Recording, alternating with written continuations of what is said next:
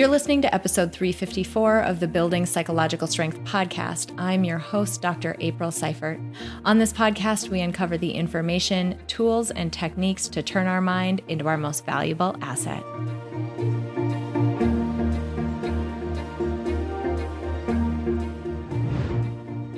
Hello, hello, friends. Welcome back to the podcast. My name's Dr. April, and I'm happy you're here. You know, we've been through a lot recently. I feel like I could start every episode saying that. And I feel like maybe I kind of do because it has, it's been a lot. But one of the things that is becoming much more uh, prolific in the media, in our conversations, and other things is the topic of burnout. I mean, flat out, when you go through a stressful situation, burnout is a risk. When we pile on, when the things that have been familiar or predictable or reliable in the past fall apart, burnout is a risk. And so, what we're seeing in a lot of different professional contexts and also in our personal lives is that people are feeling pretty stinking burnt out these days. And that's the reason why I was so excited to have this week's guest on the show because we're diving deep into that topic, not only the topic of burnout, but what precedes it. So, what do we do to recognize that we're marching down the path of becoming burnt out? Before it actually happens, things that we can do about it before it actually happens, and how to recognize some of those signs and symptoms that may indicate that an ask or a request or a responsibility that's coming from someone else might not be the right one for us. So it's going to be an incredible conversation where we talk about burnout, we talk about boundaries, we talk about needs, we talk about communication, we talk about our own behavioral habits and the things that play into it.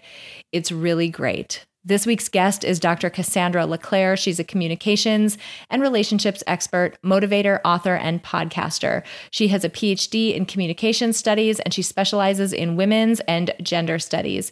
Cassandra is an expert on communicating feelings, setting boundaries, and improving connections. She enables high achieving women to gain an understanding of their identity and communication practices to improve their relationships with friends and family in the workplace and beyond. So her background is in communications, which is such a nuanced and important field and really nestles nicely alongside psychology. There's so much in common with these fields. And in particular, her work with working with women, there's just a very unique way that we are socialized to be even more susceptible to a lot of the issues that we're going to be talking about in this episode. So, if you are feeling like the stress is piling on, if you're starting to feel like you're marching down that path of burnout, or if you know someone who, who is, this episode is for you. So, please nestle in and let's meet Dr. Cassandra LeClair.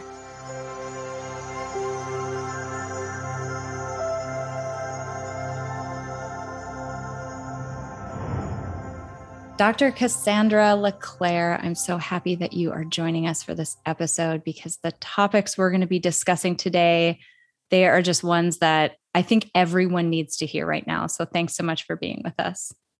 I'm really excited to be here. Thank you so much for having me you know, uh, we were chatting a bit before we hit the record button, and we were talking about this ugly B word that we hear in conversations with work colleagues, with friends. We see it on the media, and that word is burnout. It's something that we know is increasingly being experienced by more and more people professionally and in other places.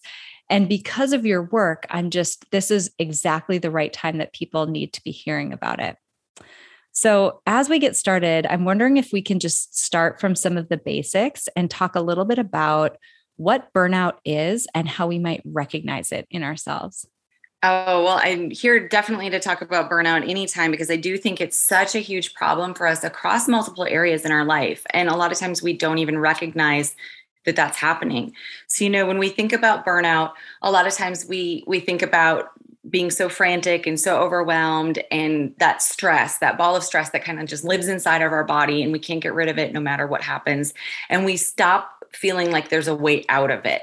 So when we're burnt out we we fail to like even think about other ways that we could improve our life sometimes or else we go the opposite way and we start daydreaming about all the ways that we want our life to change because ultimately what's happening is we're so stressed that we're shutting down with where we are And so, really getting people to recognize those kind of signs sooner and those symptoms and the things that are happening so that we're not to that very end stage of feeling like there is no way out or there is no hope for us or that this is just how life is.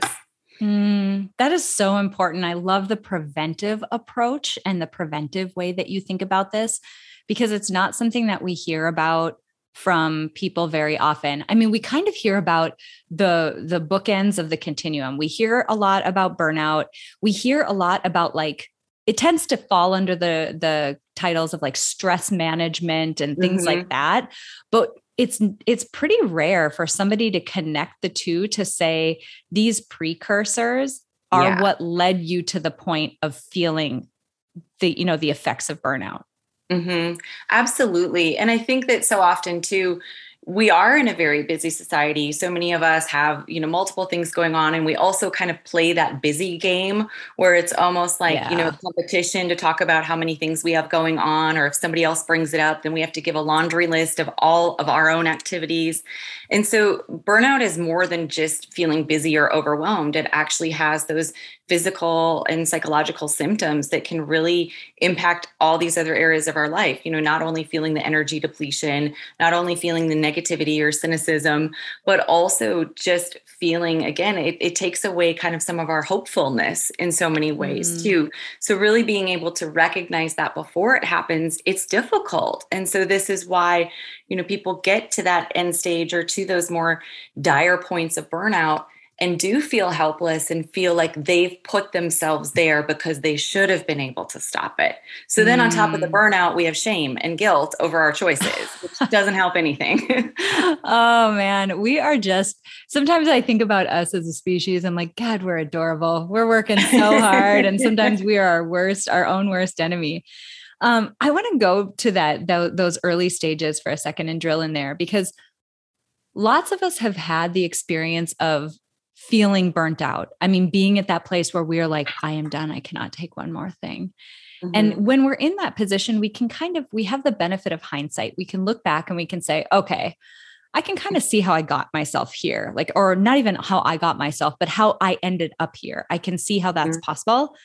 But when we're in those early stages, mm-hmm. it's almost hard to recognize because we don't have the benefit of hindsight. Why is it hard yeah. for us to realize that things are becoming too much or that we're going in the direction of burnout? I think for some of us, it's because we continually take on more and more in a lot of different areas of our life that that is normalized and mm. so we mm. don't stop to recognize and really ask ourselves should i be saying yes to this should i take this on in what ways is this going to impact me down the road? And we're we fail to kind of see the ways that things can compound and add to our stress over time. And so a lot of this goes back to learning your boundaries and understanding what's going on in your body so that you can kind of have some foresight to see like what could happen to you if that makes any sense. Mm-hmm. totally. I mean it's funny because we talk a lot on the podcast about in in a lot of spaces it's called you know your comfort zone the stuff that mm-hmm. you're that you do all the time but i actually like the word familiarity zone because a lot of times it's not comfortable the stuff that you do mm-hmm. all the time and are accustomed to it's just familiar to you and those early stages of burnout the busyness the feeling like we don't have any spaciousness in our schedule mm-hmm. or flexibility or time if something surprising or unexpected were to come up and require us to pay attention to it, we run with such narrow margins the way it is. And that becomes so familiar that when we when we don't, and I think we're going to get to some ways, boundaries and other things, but when we don't, when we actually do give ourselves space, it's mm-hmm. almost uncomfortable. We feel like we're doing something yeah. wrong sometimes mm-hmm. because we're supporting ourselves in that way. Have you noticed that? I have. And I think it, it's so interesting too, because one of the best ways to prevent burnout is to give yourself that space, is yeah. to really be able to decompress a little bit. Because oftentimes when we feel burnout kind of creeping in, it starts as maybe like a lack of motivation. It starts where we feel like we just don't have the capacity to maybe even listen to our loved ones. Uh. It starts as ah. like, oh, you know, I'm just too tired to go work out today, so I'm not going to. You know, kind of some of those little day to day symptoms that if we can start to recognize them a little bit, I think it's our body's way of trying to give us those nudges like, hey, you don't feel like doing some of these things that you usually are okay with. And it's because we're tired right now. So, yeah. one of the ways to combat that, you know, not tired like just necessarily physical exhaustion, but just again, like you're saying, giving yourself that space so that then you can feel like you can take a breath, so that you can feel like you can go forward or listen to people or have more motivation or what have you. But we we are taking on so many roles, or we feel like we have to fill up our schedule so frequently, or for a lot of us, when you are juggling multiple roles, you you truly don't feel that there is space in your schedule. You know, the number of people who tell me, like, I just don't have time, there is no time. Yeah. You know, so even that space and mentally for yourself then adds to that feeling of burnout, adds to that feeling of stress. So figuring out how you can just take a little space for yourself is such a huge like component in this idea of recognizing burnout before it gets to those end stages. That's so good. You mentioned another amazing B word a minute ago. you mentioned boundaries. Uh, give us a good definition there because boundaries feel like they feel like uh, almost two a two-sided coin like on one side yeah. like gosh wouldn't that be nice and on the other side you feel like wow i'm a jerk yeah um, when you actually yes. put some up talk mm-hmm. to me a little bit about how you think about boundaries and the importance of them especially in the context of this burnout conversation we're having you know, I mean, I don't think you can have a conversation about burnout without really talking about boundaries because um, burnout is a boundary issue. I mean, that is mm. basically how we talk about it and describe it. So when I talk about boundaries, I, you know, just a baseline, and I want to encourage everyone who's listening, you know, this is a conversation you can have with even your children if you have children. I have gone into elementary schools and talked to kids about boundaries because really what it is is if you think about it in terms of your yes and your no so my yes and my no for whatever that is, you know, in relationships at work, for my physical body, for my mental health. And when you think about it that way, it also can help you conceptualize the fact that everybody's boundaries are different. So wow. what is my yeah. yes might not be your yes. And so if we're in a relationship, we need to have a conversation and talk about negotiate what that is because otherwise we might have conflict or what have you because we think that you know we're coming from the same place that we have the same yes or that we have the same no so really thinking about boundaries like energetically like this is how we also work to protect our energy by honoring what our yes and what our no is and not extending that or going beyond that so we feel depleted and burnt out mm-hmm. it feels like there's a contextual nature to it too not only an individual one where my yes and no might be different than yours but in different contexts i might have the energy or capacity or desire to do something but not in others do you find that this is kind of an it almost feels like there's chronic boundaries like ones that you're like no i'm just never that's just a that's just a permanent yeah. no for me and then ones that are more ongoing and acute that might ebb and flow with how we're feeling or the context or what's going on at the moment Absolutely. And this is another reason why they're difficult for people because a lot of times we don't even recognize our own boundaries until they're kind of crossed. And then once they're crossed and we're activated or we're frustrated or resentful or stressed or whatever it is, then we try to set a boundary or then we tell somebody something and it doesn't always come out the right way, the way we want it to. So then again, back to the fact that then that's where we have that shame or that guilt or I'm such a jerk or I shouldn't have said it that way.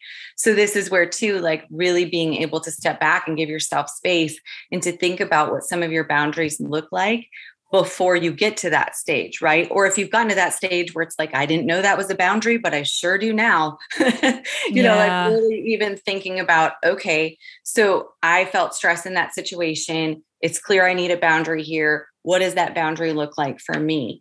And, you know, even before you're working to set boundaries with other people, trying to identify yourself for yourself first like what are these boundaries and what do they feel like? So you brought up a good point too like not only are they different across contexts but they can be different with different people. I have friends who i absolutely have to have boundaries surrounding maybe the topics that we talk about or mm. sometimes it's surrounding the amount of space i can give somebody to listen because i can't you know take on too much from somebody else if i'm not also taking care of myself. And so really even understanding that it can be about different with different people. It can be different times of day. It can be different seasons of your life. It can be you know just there are so many variables. And so thinking about boundaries i like to think about them almost like a um, rubber bands. If you have ever seen a bag of rubber bands like at the store there's mm-hmm. usually various sizes. Some are thick some are skinny some are small some are big. And so if you think about those rubber bands you know they're they're flexible right? So mm-hmm. they and they change shapes. And it's not until really you pull too tight that maybe they start to get those cracks in it or they're going to snap. And so everybody's rubber band is different and but you are also full of different rubber bands really. I know that's kind of a weird analogy but I really like that idea that you can you you have flexibility within your boundaries they're not always going to be the same sometimes with relational partners it is a negotiation so that you can both have your needs met but before you can really enter into those spaces thinking about what this looks like for you across different contexts. And to get to get to that point you know it's twofold. We can look at the areas where we've been stressed. We can look at the things that haven't gone well for us and think okay this is where i'd like to try to set a boundary differently. But we can also then to kind of make it a positive space we can think about the times where we've set good boundaries or where it has felt good to us and really think okay I set a boundary here and that made me feel good. And this is what happened. So to remind ourselves too that it doesn't have to be this scary negative thing that comes mm. out of a mm. place of stress and anger or frustration. That's so good. There's something embedded in what you said too that I want to make sure that we like point directly at because it's so powerful. The permission you just gave people in the way that you described that um, I'm going to use two very taboo words that people tend to prickle at and think that this isn't okay. But you just gave permission permission for people to be unfair and mm-hmm. inconsistent, meaning. Yes. Just because I said yes to the same thing yesterday doesn't mean I'm feeling it now. Mm-hmm. And mm-hmm. so inconsistent, and that's fine. And also, quote unquote, unfair, meaning yes i'm i'm available and happy and have the energy to do that with that person but not with this other person. Yeah. You know like we we strive so much to try to appear as though we are logical and consistent and fair and stable and blah blah, blah all those things.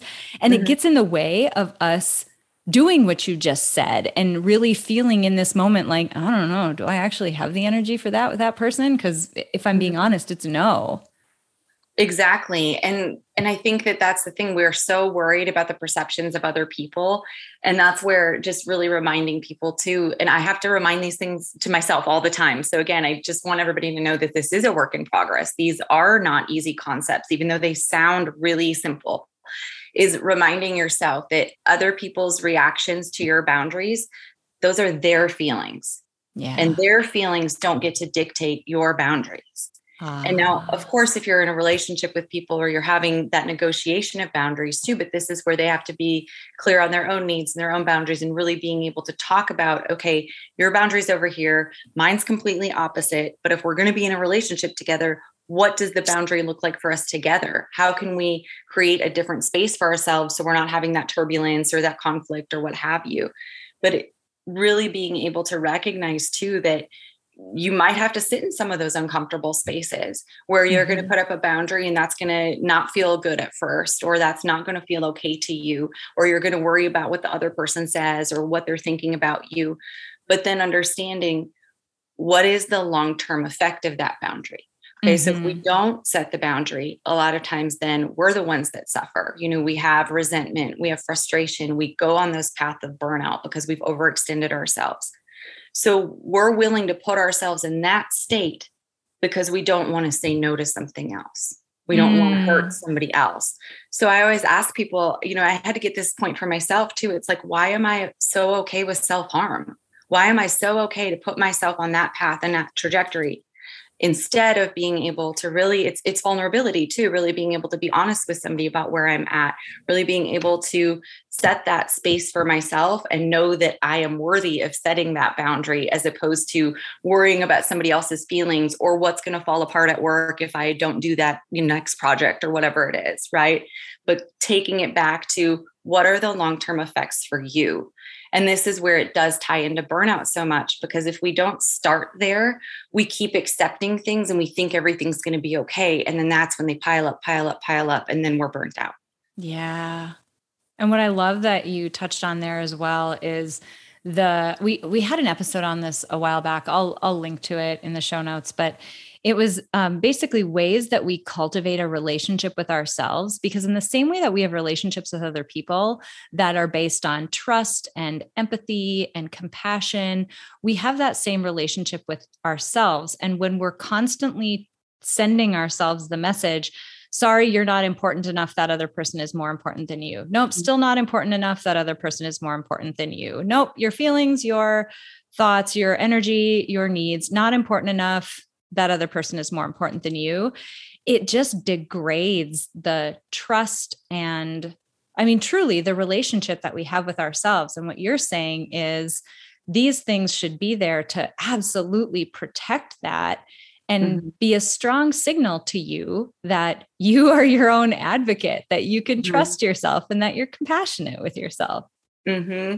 and i think too it's it's hard because so often we feel those things and we maybe want to set the boundary, but we think we can't because we've already established, well, I've already been this thing for this person. You know, mm. it's like what you're mm. saying, giving yourself permission to be now inconsistent or to change things. And unfortunately, too, most of us have had those situations where we've set a boundary and it didn't go well. So, also recognizing that there are spaces where, especially if somebody has benefited from you not having boundaries, they yeah. aren't necessarily going to be happy with you, you know? So, really, even for me, a lot of this, because I do have discomfort with, I, I'm a, reformed or always reforming people pleaser. I, um, I I really enjoy making other people feel comfortable and being helpful. So sometimes for me, it's not even that I'm saying no to things that I don't like or don't want to do, but it's recognizing the ways I say yes to other people because I get excited or I want to help them or what have you. And again, really bringing it back to myself and understanding what is this going to do to me going forward and and how can I honor myself in that and give myself permission to disappoint other people? How can I give myself permission? And a lot of times, you know, we think we're disappointing other people so much or we think we're upsetting them so much. But even if you can, you know, depending on the type of relationship, if you can have an honest conversation about people why you're setting the boundaries or with people why you're setting the boundaries, I have found more often than not, it's actually really helpful for the other person too, because mm. then they help to, it helps them understand, like, oh, hey, well, maybe I need boundaries over here, or I hadn't thought about it in that way. And so, this is where, too, really being able to think about what these things look like for you before you kind of get in that space where you have to do it can be so helpful because again as a, re- a reforming people pleaser mm-hmm. i in the moment even if i know i need to set the boundary in the moment my nervous system goes haywire and i have to fight the urge to not set the boundary yeah. i do still and i'm conditioned to be that way. So a lot of us too recognizing that that just might be happening for you and that doesn't mean oh gosh i shouldn't set this boundary or oh i'm a terrible person. It's that you've been in that space and that's just your habits and your patterns too but you can create new habits and new patterns that you will adapt to and other people in your life will adapt to as well or that relationship will shift and become something different I want to get to behavioral habits and patterns in one second, but there's one um, topic that you mentioned just a, a bit ago that I want to make sure that we hit as well. And that is uncover uh, like uncovering and understanding what our own needs are mm-hmm. and then articulating to other people you know what those needs are. Can you talk a little bit about that like how we uncover what it is that we need and then how we express that to other people? Oh, absolutely. And this is something, you know, I've, I had the benefit of being able to teach this across different college classes for so many years. And the coolest thing about that and why I'm why I'm saying that what I really want to encourage people is when you start to think about your needs and start to think about what this looks like for you in relationships, you have a different understanding of how you want other people to show up for you and how mm. you show up for other people. So instead of thinking about needs as something like, oh, I'm so needy, or I have all these expectations, or I have all these desires, start to think about needs in terms of how, what makes you feel seen, heard, and valued? What wow. makes you feel loved? And i think that that's so important because needs have such a bad bad rep anyway you know oh they're needy. And here's the deal we're all needy. We just have different needs. And when somebody's needs aren't the same as ours we tend to label them as needy because it's a need we don't understand or that we don't personally have. So again recognizing that people's needs are you know we're trying to teach people how we want to be loved how we want to be seen how we want to be valued and that is just like boundaries are different for everybody, needs are different for people too. So, really being able to then also, not for yourself, but for other people, look at other people and honor their needs from where they're coming from and what they're talking to you about, as opposed to projecting what your needs are and trying to get them to have the same needs as you. Awesome. So helpful. Um, I want to talk about behavioral patterns now. This is a tough topic for sometimes for people to hear, but tell us what you mean by behavioral patterns and the role that they play in this whole cycle of burnout and boundaries and et cetera that we've been talking about. Well, I mean, unfortunately, our brains love to get comfortable, right? And yeah. so, I mean, that's like our brain's job is to keep us safe and to keep us comfortable, right? And so, the more that we're engaging in something, the more that we're doing something, that becomes the norm, that becomes the routine. And for so many of us, these routine patterns that we have that now lead to burnout in adulthood, or especially in these spaces where there's so much uncertainty, it's because we haven't been taught to recognize our needs or set boundaries. So for me, like the pattern, the breaking of patterns was something that I really had to pay attention to for this boundary setting and for burnout, because it's really easy otherwise to get caught up in the external factors, right? Like, oh, when I get a vacation, I'll feel less stressed, or oh, mm-hmm. if I made mm-hmm. more money, my life will be better, or if I just had help over here and that that honestly can feel really helpless sometimes too right or you're like you're chasing the next thing so instead really looking at okay where are my patterns and what can i maybe do to infuse new patterns and the thing i want to say here too is like for a lot of people when you're looking at your patterns they're like well what does that mean I had to take notes for myself. I had to mm. actually start jotting down like patterns of how I was feeling and, and things that I was doing or behaviors or why do I feel upset in this space. And what what that can do you know unfortunately for people too is when we start to see some of our patterns again i know i've brought up shame a lot but it's such a huge space for so many of us where we take on this ownership of oh my gosh i did do all this wrong and now i need to be better and yeah. you know it's like in, i want to really encourage people instead to also look at it in terms of okay these are my patterns but here are all these ways that i can create new patterns and here are other times that i've done this before and so the thing with you know how i brought up the brain earlier and everything too is so often so even bringing it back to like the saying yes to people so when somebody asks me to volunteer for something, my immediate physical and mental response is to say yes. Like in my body, I actually get excited. I'm like, okay, yes, because I'm going to help somebody. And that makes me feel good. So I have to breathe and slow down my body before I say yes to something so that I can recognize, okay, my pattern, my nervous system's activated. This is my go to. So I got to slow everything down a little bit so that I can make a clear decision and see what I'm really saying yes to versus if I want to agree mm. to that or if mm. I want to say no.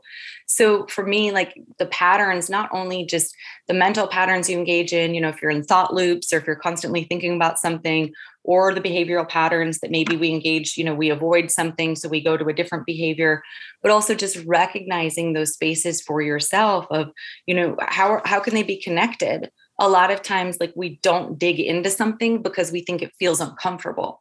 So look at why it feels uncomfortable. You know, does it feel uncomfortable in your body because it's really something bad that you shouldn't be doing? Or does it feel uncomfortable in your body because it's new and unfamiliar? Those are two different things. Ooh That's so good. That's really hard to tell the difference, mm-hmm. right? Like yes. our minds are masterful. Ashley, my my business partner in Peak Mind, she she just has this incredibly uh, you know, uh, scientific word for it. She's like it's the ick. Our mind sends us the ick. And I have a perfect example of this. It happened last night. I'm totally one of those people who like runs on razor thin margins. It is not a good thing for me whatever. Yesterday I had a very different work day. I had a, a work day where um, I, I met with my entrepreneur group, which felt like this big, spacious meeting that was, you know, all about supporting me and others. But like, that's why I go there is to get support. After that, we did a team building exercise where we went to this place where we threw axes at oh. targets. Oh. Mm-hmm. Anyway, so we went and did that and then I had a business development meeting which the it's with a media company and the front end of that media meeting they actually happened to have a music artist in their studio that day and they said, "Hey, do you want to come listen to this music artist and then we'll have our meeting." That was my entire day. I will be danged if my mind did not manufacture so much ick that I couldn't sleep last night. I was like. I'm behind on my work and I didn't do mm-hmm. anything today. And oh my gosh. And I'm sitting there awake at night going, be quiet. Like we are mm-hmm. fine. But it's exactly what you said. It's that behavioral pattern where you feel yucky because you're not used to it.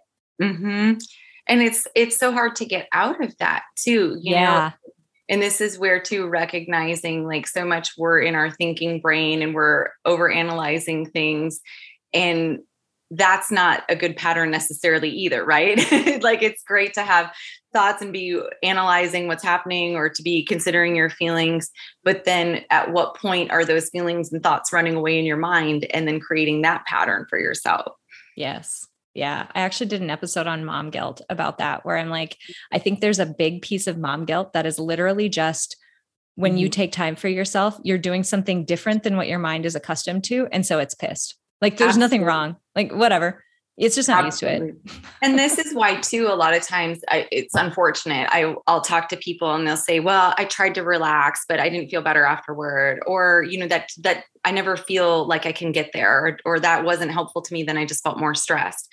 And so it's it, rather than not doing that behavior, rather than not relaxing or taking that space for yourself, playing with that discomfort. Okay, yeah, that did feel uncomfortable to you because your body's not used to it. Mm. That doesn't necessarily mean that there aren't ways that you can get there then. So maybe yoga isn't for you because you're laying on the mat thinking about things, making your grocery list, running through a to-do list, right? So, what are some other activities or, or things that you could do that maybe would engage you in a different way so your brain doesn't take off into those spaces? Yeah. And so, even thinking about like, this is why, you know, we see all these suggestions of how we can improve. And I get really weird when people want a list or something of like, here's exactly the steps you should do yeah. because I don't think that that's real. I really truly believe that each one of us has to, you know, absorb all these tips and tricks from people, but then we have to take them to our own life and say, okay, how can I apply these? Which ones is going to work for me, given my situation, given my family life or my work life or whatever it is? And really give yourself permission too to throw away some of the tricks that aren't going to work for you instead of thinking you have to do them all. That's good.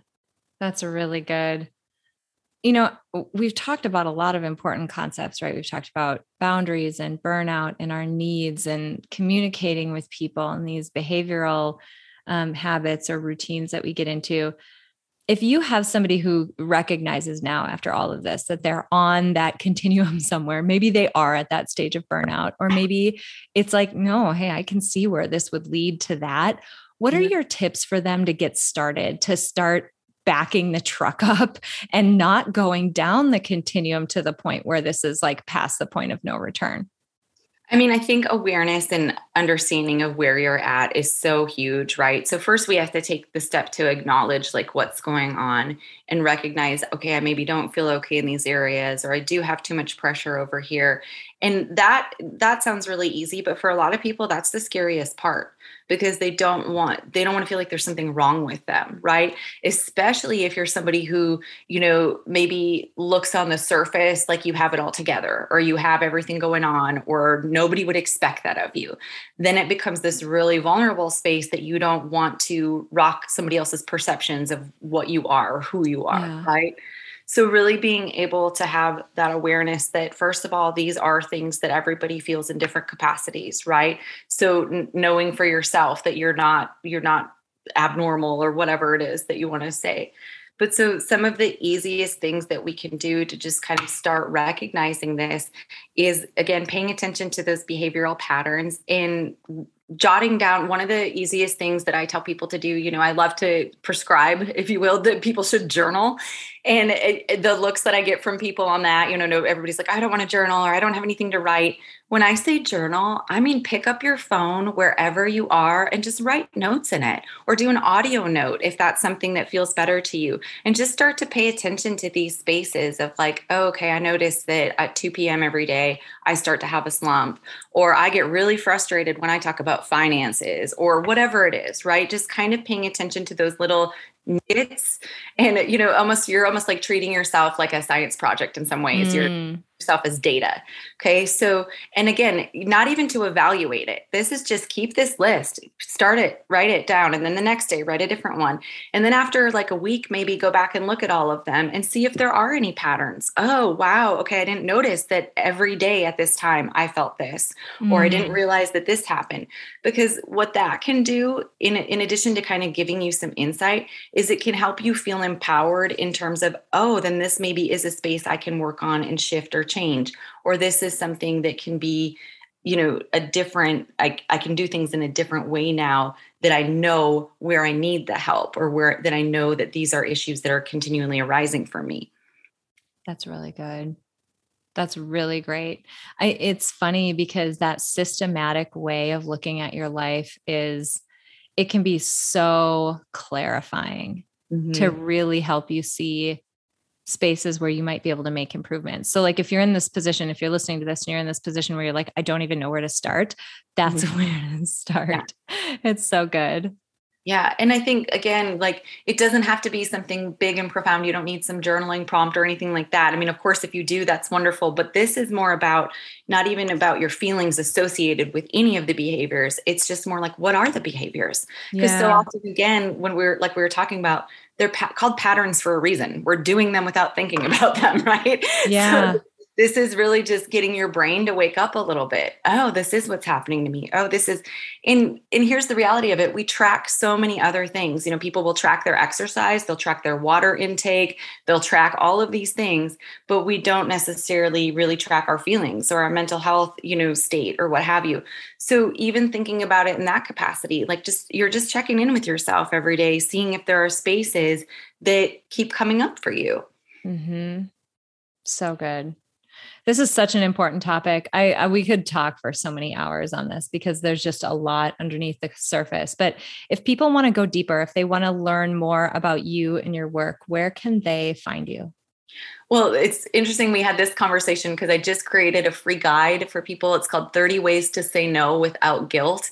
Woo! And- we need that. Oh my yeah, God, we need that. Just a list. So that's a PDF people can go grab for free. And it's at um, www.cassandraleclair forward slash guide. And I'd love for people to download that because, again, saying no, it, it's not easy. It sounds like it should be so easy, but it's difficult for a lot of us. And also, people can find me on social media. I'm on Instagram and LinkedIn at Dr. Cassandra LeClair. Um, my website. I just, I really, this is such an important aspect for me just to continue to have these conversations. So I'd love to connect with people and just see if there are ways that I can continue to add value and help them.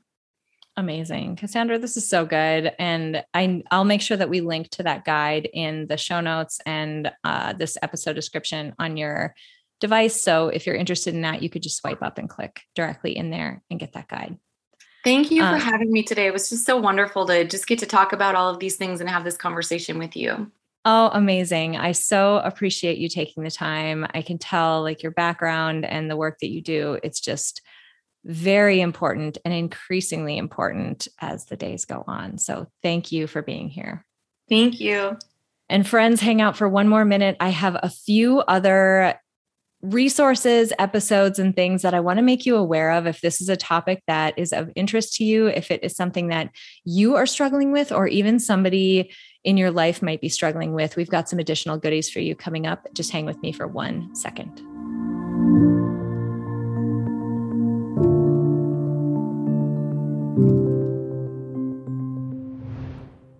All right, friends, I hope you enjoyed that conversation with Dr. Cassandra LeClair. Talk about a topic that is important to dive into.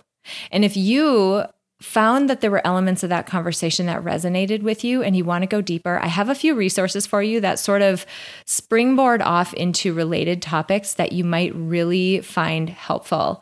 The first episode is one that I recommend often to people. And this is an episode titled Curate Your Life and Manage Your Energy. It's with a woman named Gail Golden. She wrote this beautiful book called Curating Your Life, and she really takes the position of a museum curator, where she's being very selective about what she says yes to in her life in order to manage her limited energy store. There's a lot that resonates between that conversation and the one that we just had with Dr. LeClair because it's all about hey, we're human beings. We have a finite amount of energy, and what we say yes to is very important because we're dipping into that energy store and using it for some of that. So, that conversation is really great with Gail Golden in particular. If you go listen to it, I want you to listen for a part where she talks about how brutally hard it can be to say no sometimes. Sometimes, when we are in this situation of trying to prune away or pull back or take off of our shoulders responsibilities, we can think, like, oh man, it's going to feel great to get rid of that. But it isn't, it's hard. And we feel like we're hurting people. We talked about that with Dr. LeClair. There's a great conversation with Gail Golden in that episode. Again, it's called Curate Your Life and Manage Your Energy. I think you'd really love that one as a springboard from this episode.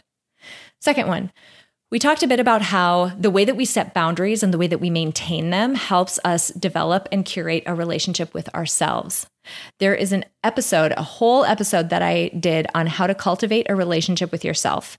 And these are ways of using things like self compassion and not breaking your promises with yourself in order to develop some of that self trust and self leadership that is pretty much a cornerstone and the bedrock for so many of these other skills that we talk about, including setting boundaries and, and keeping them and um, finding out what our needs are, etc. So I would highly suggest checking out how to cultivate a relationship with yourself if you are the type of person who is constantly finding yourself in the second place to everyone else in your life.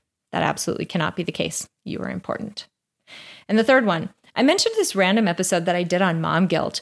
It's interesting because there are a few cognitive processes that just from knowing these concepts at a deeper level, I think really feed into this idea of mom guilt. So I pulled out things like cognitive dissonance, also some of our mental habits as reasons why our mind sends us, quote unquote, the ick, as Ashley Smith, my partner in Peak Mind, calls it, we talked about this with Dr. LeClair. Like, you do something that your mind isn't accustomed to, that it's not familiar with, that it can't predict, and it just sends you anxiety. It just sends you like a big ball of wet cat. It's just the ick. That comes in the form of mom guilt sometimes. So, if you're not accustomed to taking that time away, or you're always the person who picks your kids up, or et cetera, et cetera, et cetera, when you don't do it, you should expect that your mind is going to send you some ick. It doesn't mean that there's anything wrong. It just means that you're doing something different. And that something different is usually pretty necessary. So, I want you to check out that episode because it can help put into context the yucky feeling that we feel in our mind when we do things that are out of the ordinary. And it can help you avoid misinterpreting what that might mean. You guys, this was such a great conversation. I had so much fun. Uh, Dr. LeClair, you are phenomenal. I'm so grateful to you for taking some time to be on the show. And finally, let's remember that time is the most non renewable resource on the planet, and I'm grateful to each and every one of you who chose to spend some of your precious time with me today. I'm Dr. April Seifert, and I will see you next week.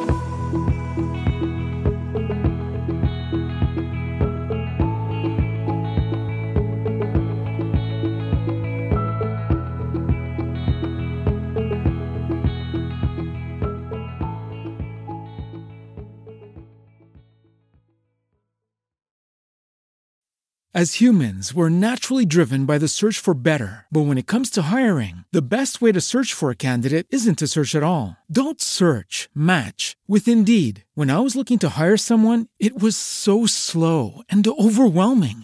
I wish I had used Indeed. If you need to hire, you need Indeed. Indeed is your matching and hiring platform with over 350 million global monthly visitors, according to Indeed data, and a matching engine that helps you find quality candidates fast. Ditch the busy work. Use Indeed for scheduling, screening, and messaging so you can connect with candidates faster. And Indeed doesn't just help you hire faster. 93% of employers agree Indeed delivers the highest quality matches compared to other job sites, according to a recent Indeed survey. And listeners of this show will get a $75 sponsored job credit to get your jobs more visibility at Indeed.com slash podcast. That's Indeed.com slash podcast. Terms and conditions apply.